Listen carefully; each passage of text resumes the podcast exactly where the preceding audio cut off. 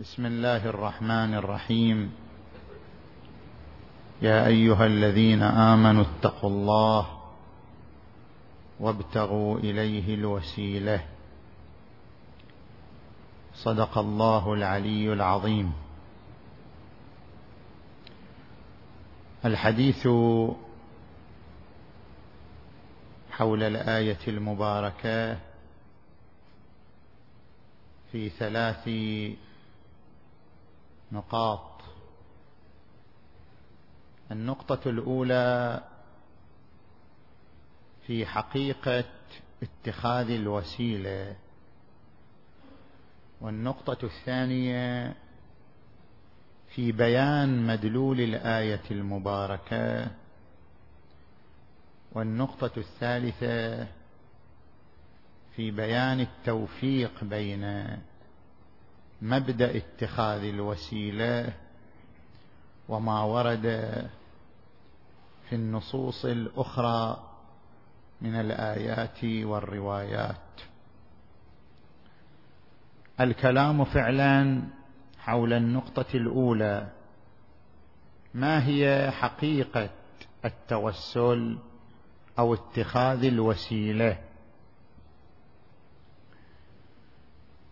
هذا يبتني على بحث فلسفي وهو الفرق بين المقتضي والشرط.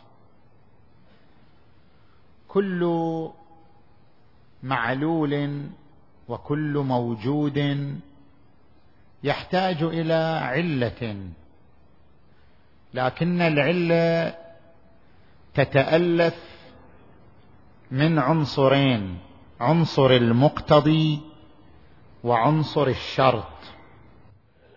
المقتضي هو مبدأ الفيض وما منه الأثر والشرط هو ما يتوقف عليه فعلية الأثر. مثلا نحن نقول ظهور النور أو ظهور الضوء في هذا المصباح الكهربائي. ظهور الضوء أو ظهور النور في هذا المصباح الكهربائي لا بد له من سبب. سببه مؤلف من عنصرين. مقتضي وهو الطاقة الكهربائية. نفس الطاقة المبثوثة في هذا الفضاء في هذا الكون الطاقة الكهربائية المبثوثة هي المقتضي يعني منها الأثر منها الفيض. الطاقة الكهربائية طاقة فياضة طاقة تصدر العطاء تصدر الفيض. فهذه الطاقة هي المقتضي لأن منها الأثر منها الفيض. لكن هناك عنصر آخر نحتاج له حتى يظهر النور ويظهر الضوء في هذا المصباح الكهربائي. ذلك العنصر الآخر هو ما نسميه بالشرط يعني وجود سلك يربط بين الطاقة وبين المصباح. ما لم يكن هناك سلك يربط بين الطاقة وبين المصباح فإن النور أو الضوء لا ينعكس ولا يظهر في المصباح. إذا احتجنا إلى عنصرين عنصر المقتضي وهو الطاقة الفياضة وعنصر الشرط وهو هذا السلك الكهربائي الذي يربط الطاقة بالمصباح حتى تعطي الطاقة أثرها وضوءها ونورها. كل موجود يحتاج إلى هذين العنصرين. يحتاج إلى مقتضي يفيض الأثر ويحتاج إلى شرط يساعد المقتضي على إصدار أثره. يحتاج إلى شرط حتى يتحقق فعلية الأثر. إنما الفلاسفة لاحظوا هذا بدقة يقسمون الشرط إلى شرط مصحح لفاعلية الفاعل وشرط متمم لقابلية القابل. تارة يكون الشرط مصححا لفاعلية الفاعل تارة يكون الشرط متمما لقابلية القابل. شنو المقصود بهذا التقسيم؟ تارة يكون المقتضي الذي منه الأثر قاصرا. لا يمكنه وحده أن يؤثر لا يمكنه وحده أن يعطي. فيحتاج إلى شرط. هنا يكون الشرط مصححا لفاعلية الفاعل. يعني لولا هذا الشرط لكان المقتضي وحده قاصرا عن التأثير. مثلا أضرب لك مثال. الآن مثلا الإنسان نفسه مثلا. أنا الآن عندما أريد أن أنا الآن عندما أريد أن أصلي مثلا أو أنا الآن عندما أريد أن أكتب أنا لا أستطيع أن أوجد الكتابة ما لم يكن معي شنو؟ أداة. ما لم يكن معي قلم ما لم يكن معي قرطاس. أنا صحيح طاقة فياضه طاقة. الإنسان طاقة. تارة يصدر فكر تارة يصدر كلام تارة يصدر كتابة تارة يصدر مشي تارة يصدر حركة. الإنسان طاقة فياضه لكن هذه الطاقة قاصرة. لا يمكنها أن تؤثر وتوجد الكتابه على القرطاس إلا مع ضميمة الأداة. إلا مع ضميمة القرطاس إلا مع ضميمة القلم. هنا يكون القلم شرطا مصححا لفاعلية الفاعل. يعني لولا هذا القلم لما استطاع الإنسان وحده أن يكتب. اذا هنا يكون الشرط مساعدا للفاعل مساعدا للمقتضي. فيقال شرط مصحح لفاعلية الفاعل. وتارة يكون لا الشرط مجرد متمم لقابلية القابل وليس مصححا لفاعلية الفاعل. وذلك إذا كان الفاعل مستغني عن الشرط. إذا كان الفاعل مو محتاج إلى الشرط المحتاج إلى الشرط هو. هو المو... هو المعلول. أما الفاعل مو محتاج إلى الشرط. هنا يكون الشرط متمما لقابلية القابل. كيف؟ مثلا عندما تجي إلى الطاقة الكهربائية الطاقة الكهربائية مو محتاجة إلى سلك. الطاقة الكهربائية لا تحتاج إلى سلك يربطها بالمصباح ابدا. الطاقة الكهربائية طاقة فياضة غنية مبثوثة في هذا الكون كسائر الطاقات الأخرى. الطاقه الكهربائية كسائر الطاقات الأخرى. طاقة غنية فياضة لا تحتاج إلى شيء. فشنو اللي يحتاج؟ المصباح ولا يحتاج؟ مو الطاقة هي التي تحتاج. المصباح لا يستطيع أن ينير إلا إذا وصل بالسلك. فالمحتاج إلى السلك ليس هو الطاقة. المحتاج إلى السلك هو المصباح حتى يضيء. هنا يكون الشرط لا يخدم الفاعل بشيء وإنما يخدم القابل يخدم المعلول. هنا يكون الشرط متمما لقابلية القابل وليس مصححا لفاعلية الفاعل لأن الفاعل لا يحتاج فاعل غني لا يحتاج إلى ذلك. من هنا تكون أفعال الله جل وعلا وتبارك وتعالى. الله تبارك وتعالى إنسان يتساءل أليس الله قادرا على أن يخلق الإنسان يخلق الجسد؟ أليس الله قادرا على أن يخلق جسد الإنسان بدون مادة؟ هكذا يخلقه يخلقه دفعة واحدة بدون مادة. لماذا يوسط مادة؟ يخلق آدم من طين. يخلق مثلا عيسى من خلية أمه. يخلق مثلا البشر البقية من لقاء الذكر والأنثى. لماذا يوسط مادة؟ لماذا تكون هناك مادة متوسطة؟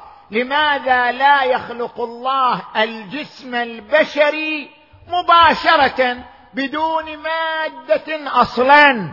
أليس الله قادرا على كل شيء؟ نعم الله على كل شيء قدير. اذا لماذا؟ هنا من هو المحتاج إلى الشر هل هو الله أو هو جسم الإنسان؟ جسم الإنسان محتاج إلى الشر الله هو المقتضي هو مبدأ الفيض هو الذي يعطي ويجود. الله تفضل محض جود محض عطاء محض. وما كان عطاء ربك محظورا. عطاء محض فيض محض. لا يحتاج إلى شيء. لكن الجسم المادي لا يمكنه أن ينال الوجود إلا إذا جاء من مادة قبله. هذه حاجة في الجسم وليست حاجة في الله عز وجل. ليست عليته وفاعليته تبارك وتعالى قاصرة. القاصر هو الجسم. الجسم لا يمكنه أن يوجد إلا من مادة قبله. هنا يكون الشرط وهو وجود المادة شرطا متمما لقابلية القابل وليس شرطا مصححا لفاعلية الفاعل. وسائر الشرائط مثلا الله تبارك وتعالى يستخدم الملائكة يستخدم الملائكة لإنزال المطر لإدارة شؤون السماوات والأرض. هل هو محتاج إلى استخدام الملائكة؟ لا. الكون هو المحتاج. الكون محتاج في إدارته إلى وجود الملائكة. لذلك تبارك وتعالى خلق الملائكة كوسائط في الفيض والعطاء. لا لأنه محتاج إليهم بل لأن المعلول وهو الكون محتاج إليهم. من هنا أيضا ندرك وساطة محمد وآل محمد.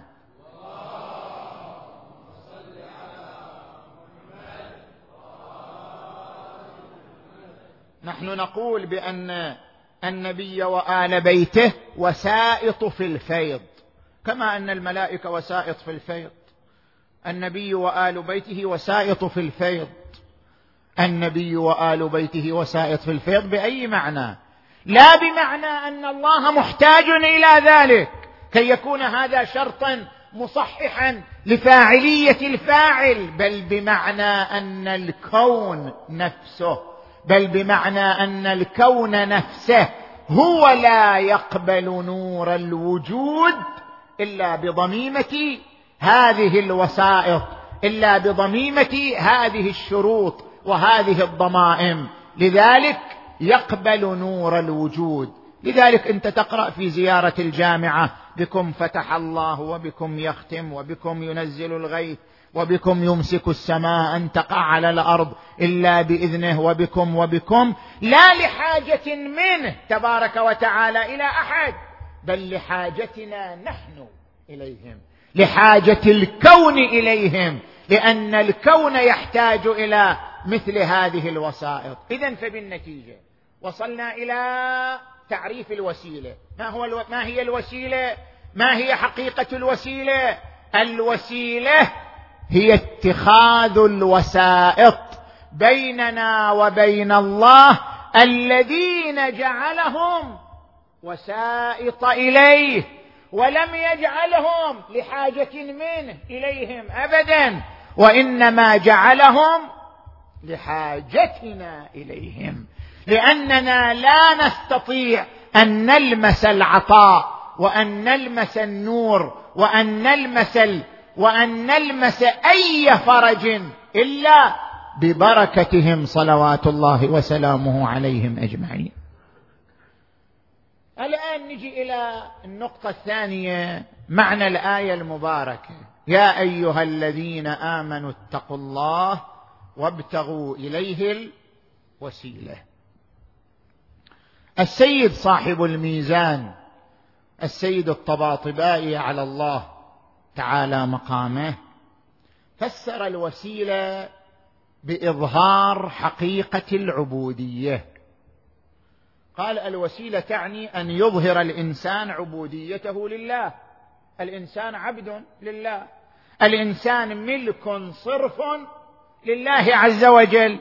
فلا بد أن يظهر الإنسان أنه فعلا مملوك صرف لله أنه عبد حقيقي قن لله. تبارك وتعالى. الوسيلة يعني إظهار العبودية. يا أيها الذين آمنوا اتقوا الله وأظهروا العبودية وأظهروا ذلة العبودية وأظهروا حقيقة المملوكية. عندما الإنسان يظهر التذلل ويظهر الارتباط بالله ويبرز أنه عين الربط بالله وعين التدلي بالله تبارك وتعالى وأن لا ملجأ إليه ولا منجا ولا حول ولا قوة إلا بالله تبارك وتعالى. إظهار العبودية إظهار حقيقة ذل العبودية هي الوسيلة. يا أيها الذين آمنوا اتقوا الله وابتغوا إليه الوسيلة.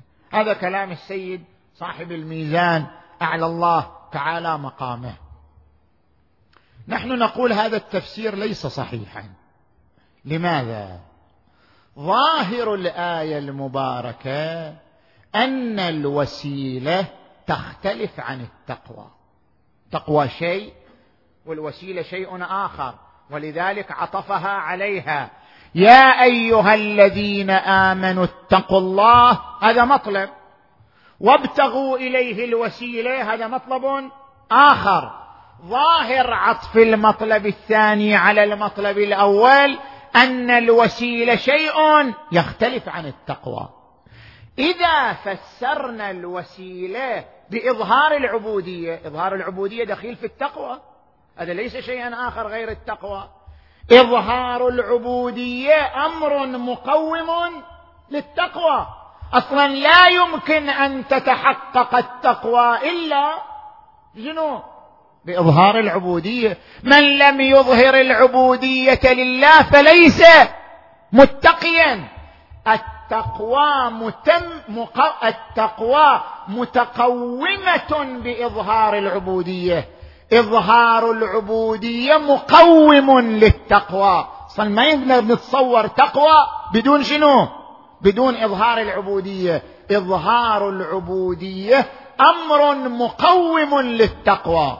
لا تعقل التقوى إلا بإظهار العبودية. مع أن الآية ذكرت التقوى اولا ثم ذكرت الوسيلة. معناه أن الوسيلة غير التقوى شيء آخر غير التقوى.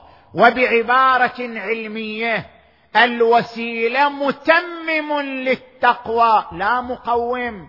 فرق بين المقوم والمتمم. الوسيلة متمم. وليست مقوم. إذا فسرنا الوسيلة بأنها عبارة عن إظهار العبودية صارت جزء من التقوى أمر مقوم للتقوى. بينما الوسيلة ذكرها القرآن مطلبا آخر متمما للتقوى لا مقوما للتقوى. اذا لا محالة. الوسيلة لا يراد بها إظهار العبودية. ماذا يراد بالوسيلة؟ مراد بالوسيلة اتخاذ ما جعله الله وسائط فيضه.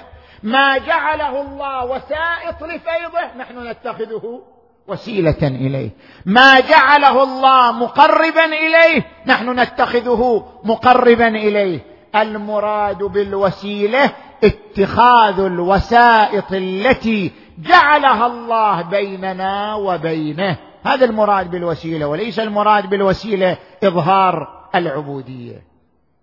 نجي الآن إلى النقطة الثالثة.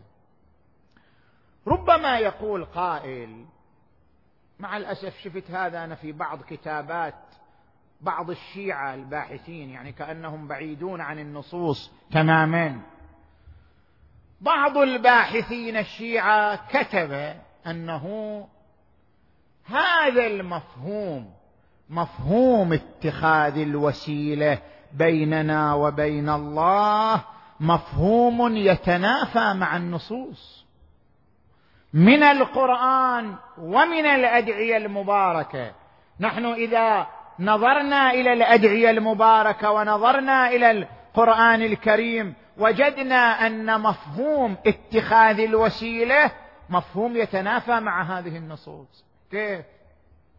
قال أما من القرآن فقوله تعالى واذا سالك عبادي عني فاني قريب أجيب دعوه الداعي اذا دعاني اذا كان الله قريبا منا بل هو اقرب الينا من حبل الوريد. اذا هو لا يحتاج إلى وسيله. هو ونحن اقرب اليه منكم. ونحن أقرب إليه من حبل الوريد. إذا كان الله أقرب إلينا من أي شيء آخر هو أقرب إلينا من قلوبنا هو أقرب إلينا من أرواحنا.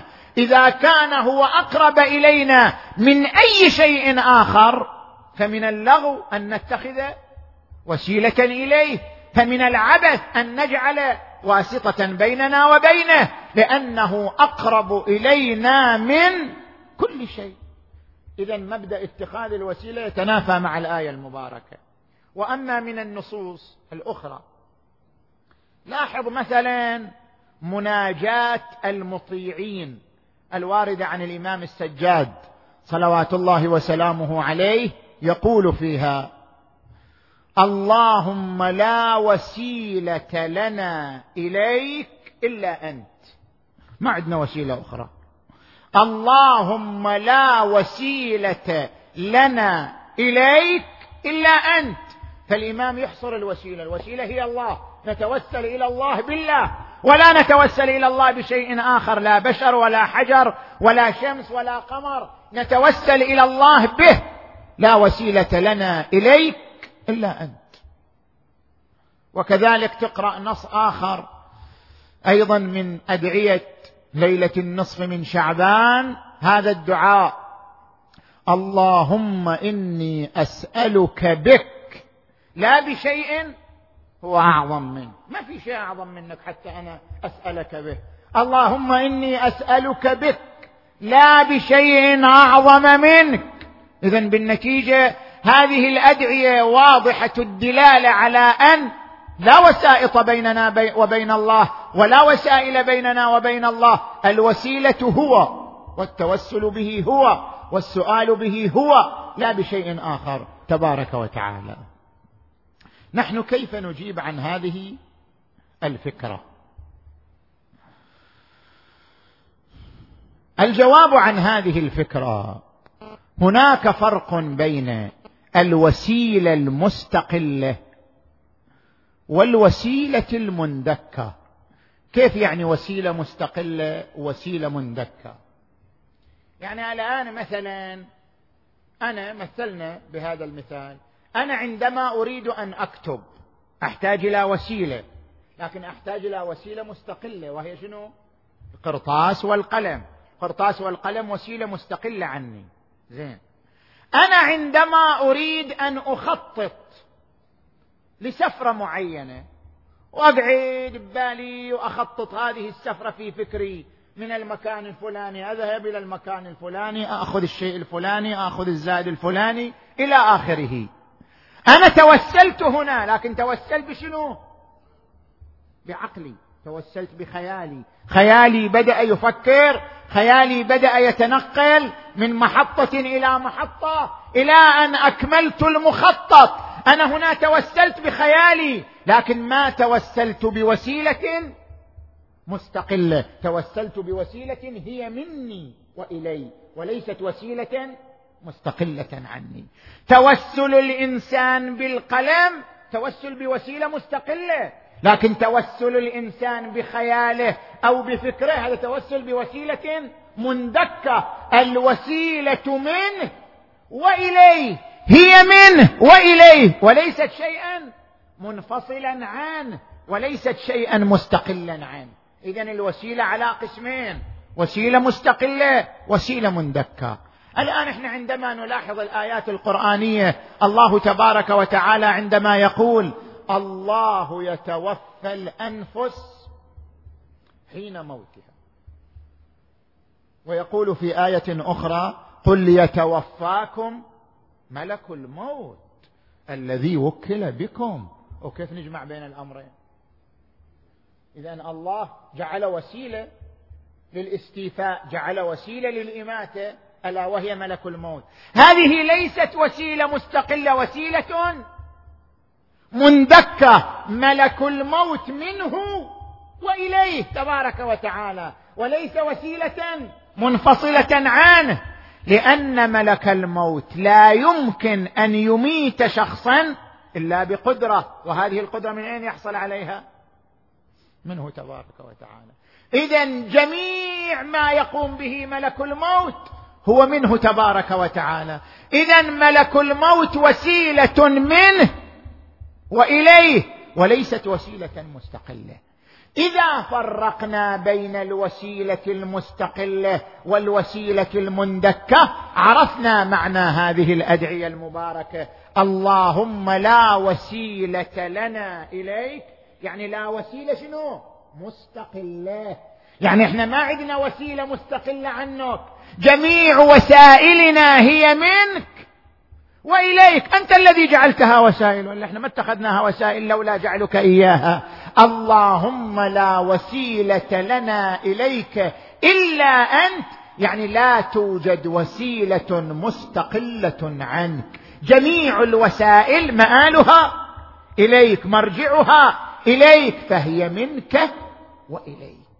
كيف يعني جميع الوسائل منه وإليه؟ الآن أضرب لك أمثلة.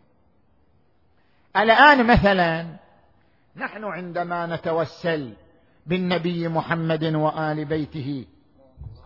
أحسنت.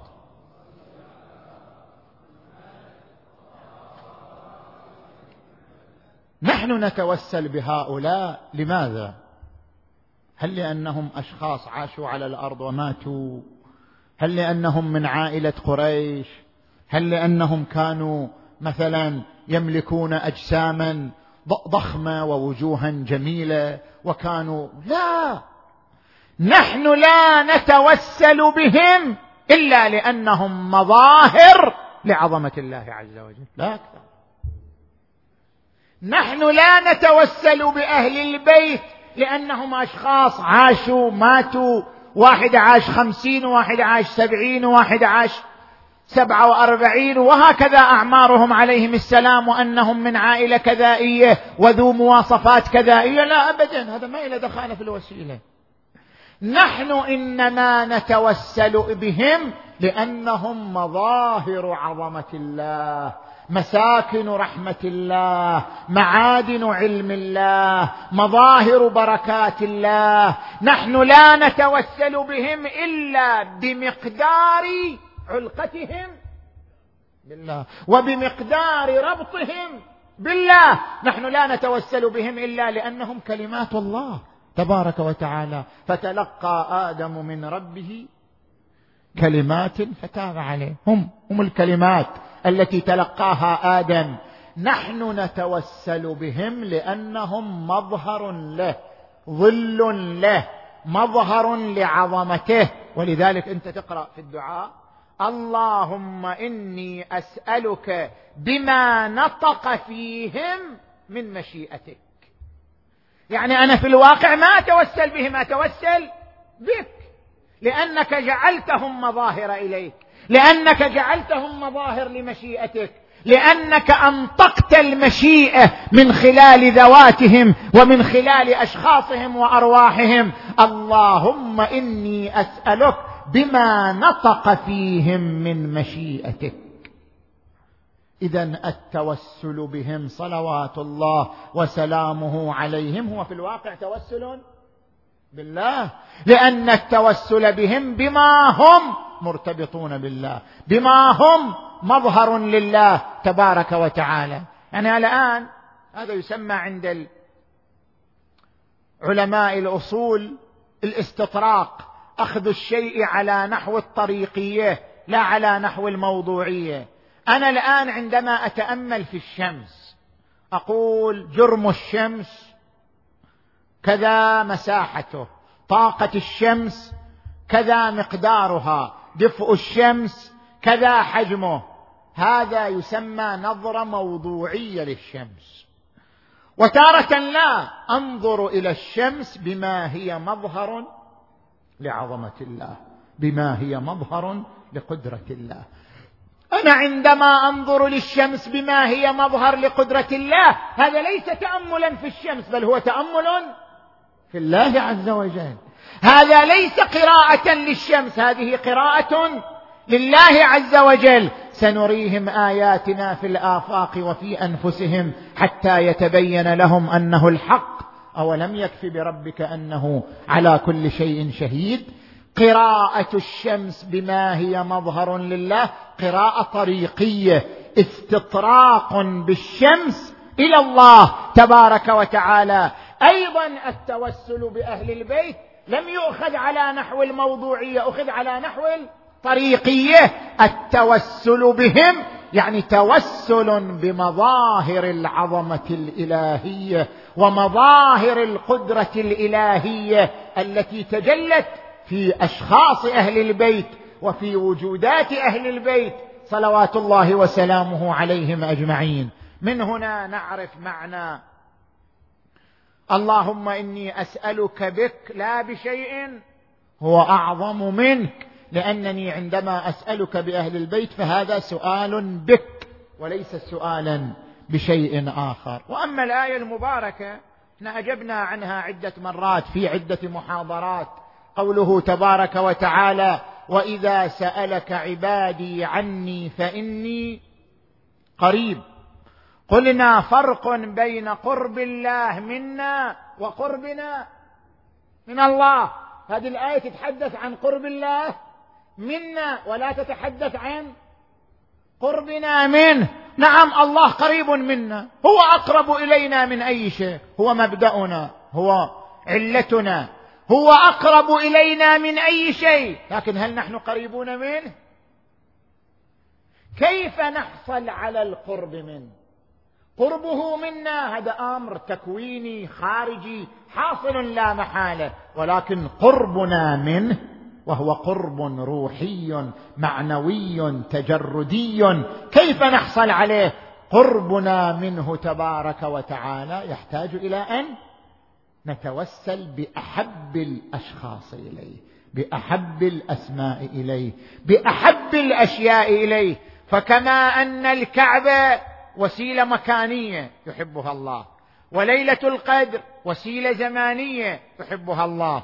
والصلاة وسيلة عملية يحبها الله. واستعينوا بالصبر والصلاة. ولذلك تقرأ في الدعاء اللهم إن كان قد دنا أجلي ولم يدنني منك عملي فقد جعلت الاعتراف بالذنب إليك وسائل عللي. يعني أنا وسيلتي أنا أعترف بذنبي إليك. الاعتراف بالذنب وسيلة عملية. اذا عندنا وسيلة مكانية وسيلة زمانيه وسيلة عملية.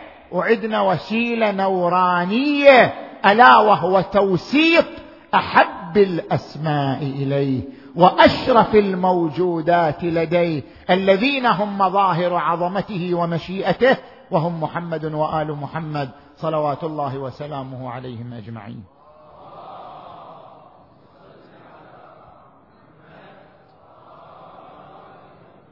فقربنا من الله يختلف عن قرب الله منا. قربنا منه يحتاج إلى واسطة وهو ما جعله الله واسطة للقرب منه تبارك وتعالى. ولذلك لو استعان أحد بالصلاة ما يقول واحد والله شنو أنت تبعد المسافة؟ الله قريب منك بعد ليش توسط الصلاة؟ والله جعل الصلاة وسيلة قرب إليه. أو واحد مثلا يتخذ الكعبة وسيلة إلى الله لا يقال له انت بعدت المسافة. يقول لأن الله جعل الكعبة وسيلة وواسطة إليه وجعل هؤلاء الأسماء وسيلة إليه. ولو أنهم إذ ظلموا أنفسهم جاءوك فاستغفروا الله واستغفر لهم الرسول لوجدوا الله توابا رحيما. الرسول واسطة في المغفرة. ولذلك تقول اللهم إني أسألك بنبيك نبي الرحمة أن تغفر لي ذنبي وتتوب علي. نسأل الله تبارك وتعالى أن يجعلنا معهم دنيا وآخرة وأن يجعلنا من المتوسلين بهم ومن المرتبطين بهم في كل أعمالنا وحركاتنا وسكناتنا لنكون لنكون وعاء لفيضهم وبركاتهم وعطائهم صلوات الله وسلامه عليهم أجمعين. اللهم إنا نسألك بالزهراء وأبيها وبعلها وبنيها والسر المستودع فيها. اللهم اغفر ذنوبنا واستر عيوبنا وكفر عنا سيئاتنا وتوفنا مع الأبرار. اللهم نبهنا من نومة الغافلين. اللهم نبهنا من نومة الغافلين. اللهم نبهنا من نومة الغافلين. اللهم صل على محمد وآل محمد. اللهم كن لوليك الحجة بن الحسن. صلواتك عليه وعلى آبائه في هذه الساعة وفي كل ساعة. وليا وحافظا وقائدا وناصرا ودليلا وعينا حتى تسكنه أرضك طوعا وتمتعه فيها طويلا. اللهم انصر الإسلام والمسلمين واخذل الكفار والمنافقين واحفظ إخواننا المؤمنين والمسلمين في العراق وفي لبنان وفي فلسطين وفي أي مكان يا رب العالمين. اللهم صل على محمد وآل محمد واحفظ مراجعنا الأعلام وارحم الماضين منهم وإلى أرواح جميع أمواتنا وأمواتكم وأموات المؤمنين والمؤمنات. حمى الله من يقرأ الفاتحة. تسبقها الصلوات.